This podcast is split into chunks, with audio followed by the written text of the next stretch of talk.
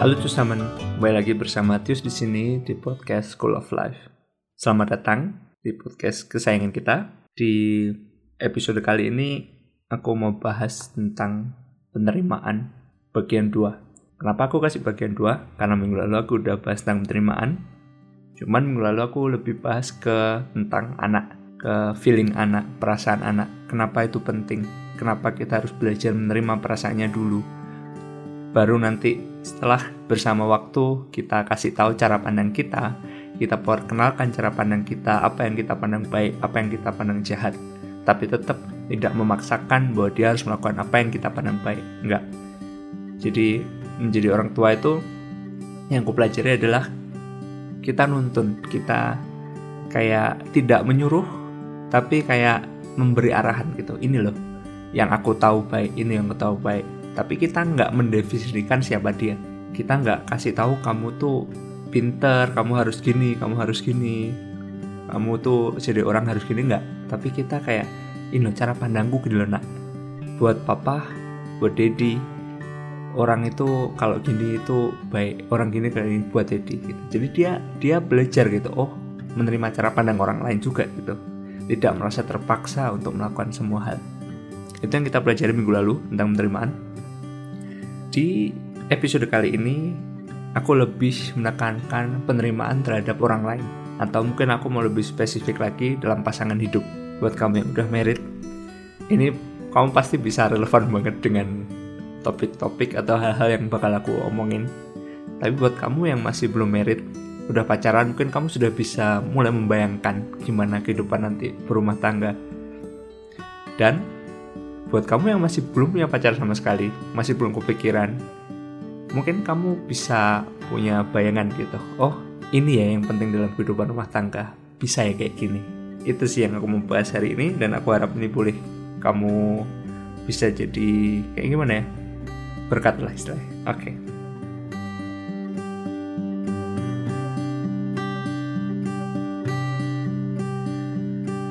Yang aku percaya adalah hal terpenting dalam suatu hubungan. Sekarang dulu aku nggak tahu ini yaitu menerima orang itu dalam hubungan kita. Apa adanya. Benar-benar menerima apa pun itu. Menerima dulu. Yang paling penting dalam hubungan kita terima dulu siapa dia. Kita terima dulu bagaimana behave-nya dia bagaimana cara pandangnya dia. Lalu baru kita lakukan apa pun itu. Misal kita nggak suka kita nggak setuju kita butuh kasih saran, kasih kritik, itu nanti. Setelah kita bisa terima, baru kita bisa kasih itu. Idealnya ya, tetap banyak banget faktor-faktor yang membuat kita nggak bisa ideal. Aku pun juga kayak gitu. Cuman gini, kalau memang kita harus menerima orang dalam hubungan, relevannya adalah dalam kata lain kita sebenarnya susah buat bisa menerima semua orang. Dalam arti kayak gini, mungkin kita harus pilih dulu kali ya. Siapa orang yang benar-benar penting dalam hidup kita, yang benar-benar kita mau dia dalam hidup kita, yang benar-benar kita nggak bisa hidup tanpa dia lah istilahnya. Meskipun kita pasti bisa hidup, kita semua independen. Kita mungkin berilusi kita nggak bisa hidup tanpa dia, tapi sebenarnya kita bisa Cuman gak apa-apa, berilusi aja. Siapa yang kita nggak bisa hidup tanpa dia? Siapa yang mau benar-benar kita perjuangin hubungannya sama dia? Tentuin dulu siapa orang itu. Bisa pasangan kamu, orang tua kamu, teman kamu, kalau kamu masih belum punya pasangan, adik kakak, siapa pun itu, sahabat. Tentukan itu dulu siapa orangnya. Setelah itu perjuangkan untuk bisa menerima dia apa ada nih. Jadi kayak misal apa yang dia katakan, apa yang dia pikirkan, bagaimana dia menyikapi dalam satu masalah. Apakah dia sekarang lagi sedih? Apakah dia sekarang lagi marah? Apakah dia lagi kecewa? Ataukah kamu yang buat dia kecewa? Atau orang lain buat dia kecewa? Terima dulu feelingnya dia, terima dulu perasaan, oh dia tuh lagi marah. Dia tuh lagi nggak enak gitu. Dan accept it. Bener-bener terima, akui, oh kamu tuh lagi marah. Jangan kayak gini, kalau pasangan kamu lagi marah, tentang misalnya dia di tempat kerja dikatain orang atau apa pun lah atau bahkan mungkin dia yang salah gitu. Dia lagi marah terima aja dulu. Oh iya kamu tuh lagi marah. Oh iya kamu tuh lagi upset. Jangan kayak bilang jangan marah it's not nice. Jangan gini itu nggak baik kamu yang salah gitu loh. Jadi sifat memaksakan pandangan ini yang yang aku belajar untuk nggak melakukan lagi gitu. oh kamu tuh lagi marah. Iya iya oke. Okay. tapi menurutku kamu yang salah sih. Misal gitu. Kita juga bisa menyampaikan sesuatu dengan enak gitu. Nggak kayak kamu tuh salah kok kamu marah sih? gitu. Ya mungkin banyak orang yang kayak gitu. Bahkan aku pun juga dulu kayak gitu. Mau kamu yang salah kenapa kamu yang marah? Kayak gitu. Ada rasa gitu. Tapi aku juga belajar bahwa ya orang tuh bisa marah mau salah nggak salah gitu. Meskipun harusnya idealnya salah nggak marah tapi kan orang tetap bisa marah gitu. Meskipun reaksinya dia itu yang menentukan baik atau jahat gitu loh. Apa yang dilakukan? Misalnya dia kesel karena dia melakukan kesalahan dia marah tapi kan dia nggak memaki orang. Dia nggak marah-marah dia beresin semua apa yang kesalahannya dia dia perbaiki lagi gitu. Misal dia ada satu tes kalau aku ada tes aku marah karena aku salah tapi aku juga nggak memaki orang tidak menyalahkan orang lain gitu. Jadi kayak it's okay dong to be angry. Karena aku perasaanku lagi marah nih. It's okay to be angry. Jadi kamu terima dulu perasaannya dia nggak apa-apa kamu marah. Tapi yang kamu lakukan itu nggak pas. Tahu yang maksud aku? Jadi kita belajar lebih dalam lagi dalam menyikapi suatu sikap dari seseorang atau dari pasangan kita lah saat dia sedih saat dia marah. It's okay cuman mungkin kita harus belajar melihat bahwa hati-hati dalam bereaksi. Hati-hati kalau kamu lagi marah hati-hati jangan sampai kamu maki orang. Kalau kamu lagi marah hati-hati jangan sampai kamu menyakiti orang. Itu poin yang penting. Penting banget. Jangan kayak kamu jangan marah. No angry is okay. Tapi kayak insulting orang itu yang nggak oke okay. Angry is okay tapi memecahkan barang-barang tanpa terkendali itu yang nggak oke okay. angry is okay tapi kayak memaki-maki orang itu yang nggak oke okay. tahu ya maksud aku sedih is okay tapi suicide it's not okay itu mungkin ini sesuatu yang gimana ya kayak aku berharap kamu bisa ngerti yang aku maksud uh, ini sesuatu yang aku pelajari banget dalam pernikahanku ini dan aku juga mau kasih tahu satu hal bahwa lawan kata dari menerima itu bukan menolak bro ternyata bro. Tapi lawan kata dari menerima itu adalah menuntut. Saat kita menuntut orang lain kamu gini kamu gini itu tuh ada kesannya kayak gini. Ini yang contoh ekstrim ya contoh ekstrim kalau kamu nggak excellence dalam bidang ini kalau kamu nggak dapet 100 dalam ujian ini kamu bukan anak mama gitu bukan anak papa. Wow itu ekstrim banget itu adalah tuntutan yang bener-bener nggak fair sih buat aku.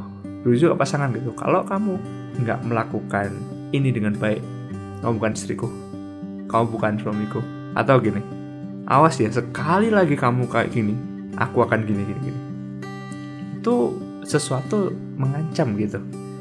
Dan I think it's not healthy at all dalam sebuah relationship dalam sebuah hubungan. Kalau kita bilang kalau kamu sekali lagi gitu aku akan gini. Karena aku juga pernah melakukan itu gitu. Aku juga pernah bilang sekali lagi kamu bilang aku nggak bisa lagi sama kamu. Aku pernah bilang kayak gitu. Dan I regret it. Aku benar-benar menyesal dengan perkataanku itu. Ternyata bahwa itu aku nggak nerima dia apa adanya gitu. Meskipun nggak berarti menerima itu menyetujui dalam arti aku harus sepaham sama dia. Nggak.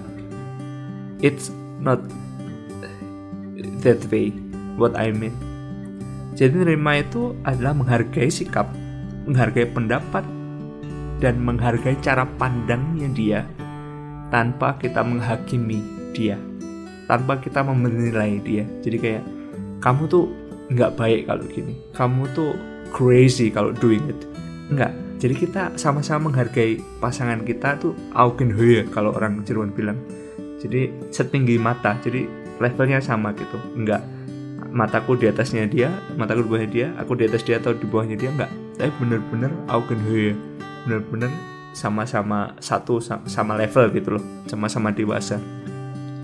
Bukan berarti kalau dia istriku aku bisa menghakimi dia seenaknya.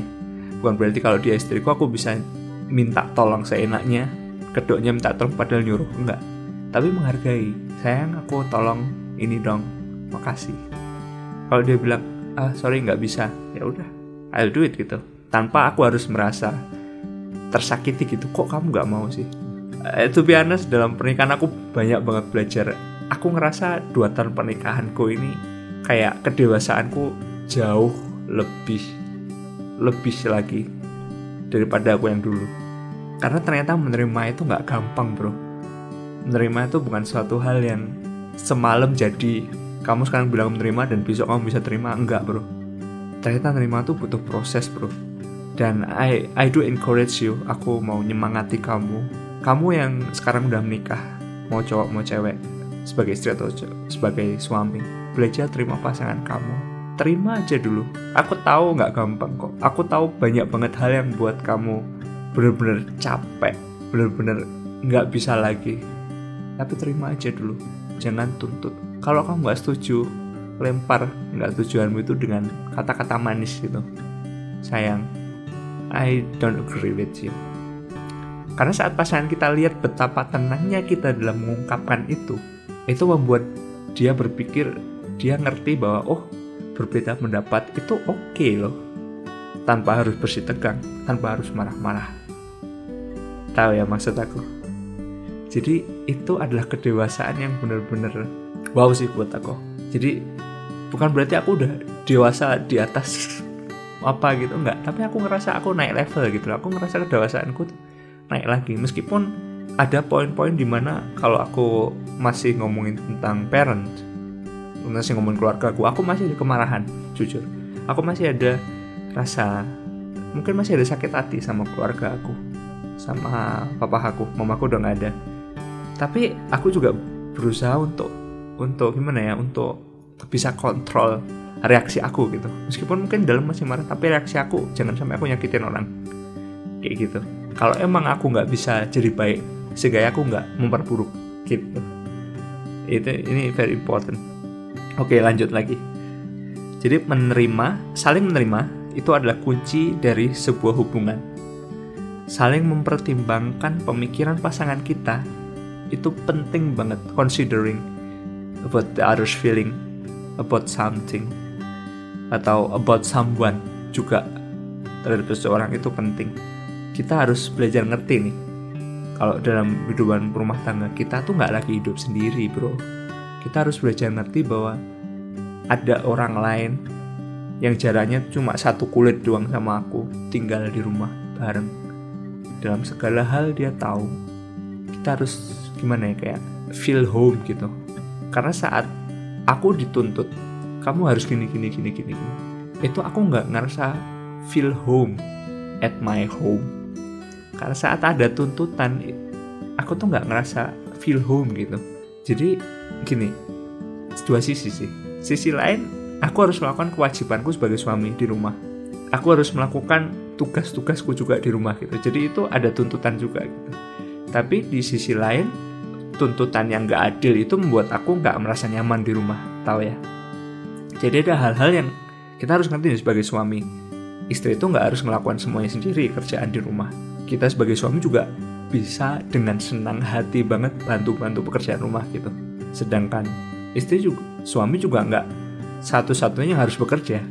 Suami emang di mata aku idealnya harus bekerja tapi istri juga bisa bekerja untuk menopang suami secara finansial gitu jadi kayak ya situasi lah tergantung gimana kondisi kamu keuangan kamu gimana kondisi rumah kamu kamu bisa ada um, pembantu apa enggak atau asisten rumah tangga lah istilahnya. Kalau kita kita nggak bisa afford asisten rumah tangga. Jadi kita kerjain semuanya sendiri. Kita harus bagi tugas gitu. Ada tuntutan tuntutan itu tapi I think itu tuntutan yang fair gitu. Kamu kerjain ini aku kerjain ini kamu sih itu harusnya gitu. Tapi ada tuntutan-tuntutan yang nggak fair. Contoh ya kamu harus selalu ada buat aku. I think it's not fair. Karena kita juga kadang-kadang nggak bisa selalu ada gitu. Secara waktu aja nggak bisa.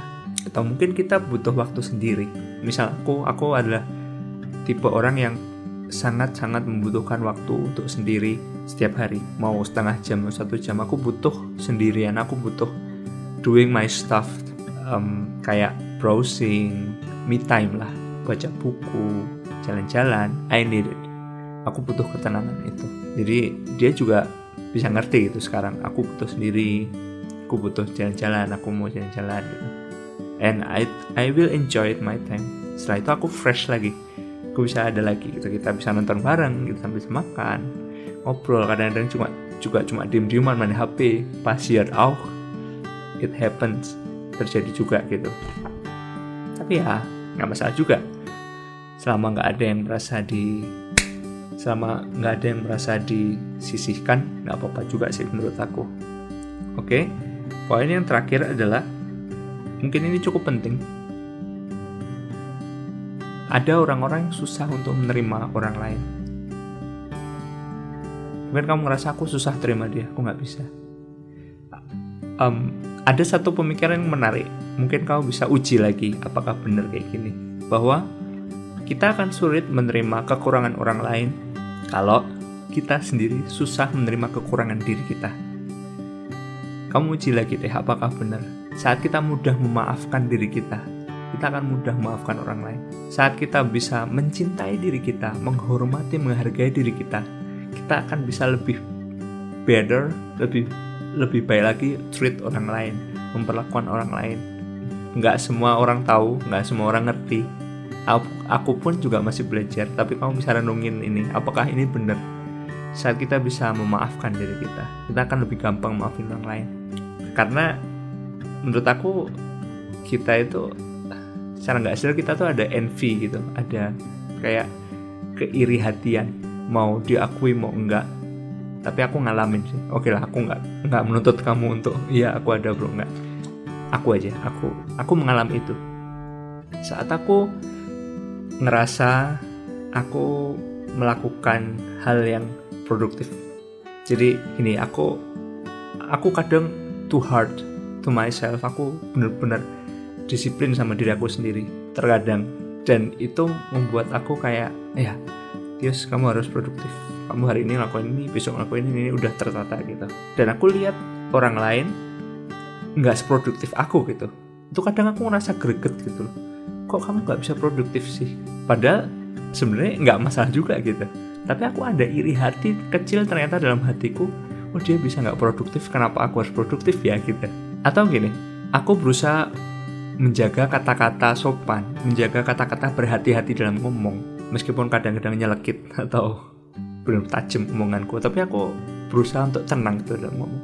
Saat aku punya lawan bicara yang dia nggak tenang dalam ngomong dia nggak sopan juga gitu.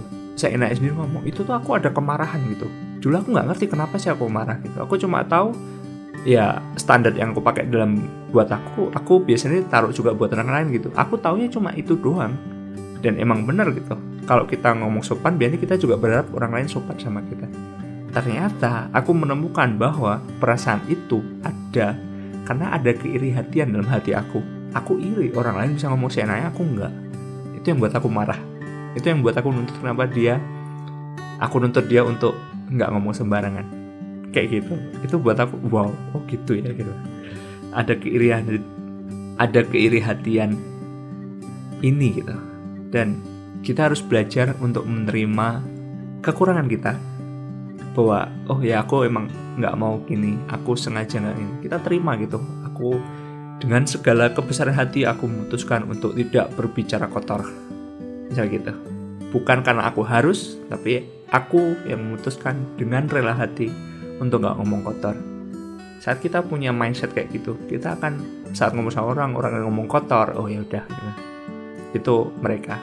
But it's not me. And I'm okay with it. Aku mau tetap ngobrol sama dia kayak gitu. Oke? Okay? thank you banget udah listening me sampai menit ini juga Aku harap kamu bisa terberkati, kamu bisa punya referensi lagi dalam hidup ini. Kamu boleh always be better than you yesterday. Jangan bandingin hidup kamu sama hidup aku, jangan banding hidup kamu sama hidup orang lain. Karena it's not fair untuk membandingkan diri kamu dengan orang lain. Sama sekali nggak fair. Bandingin diri kamu dengan diri kamu sendiri. Yesterday, important banget buat ngerti hal ini Siapa pun itu, mau kakakmu, adik kamu, orang paling dekat sama kamu, don't compare yourself with them. Kalau kamu compare yourself, compare sama diri kamu sendiri. Apakah kamu udah better than yesterday? Oke. Okay? And aku mau kasih satu quotes hari ini sama kamu, yaitu menerima itu memulihkan.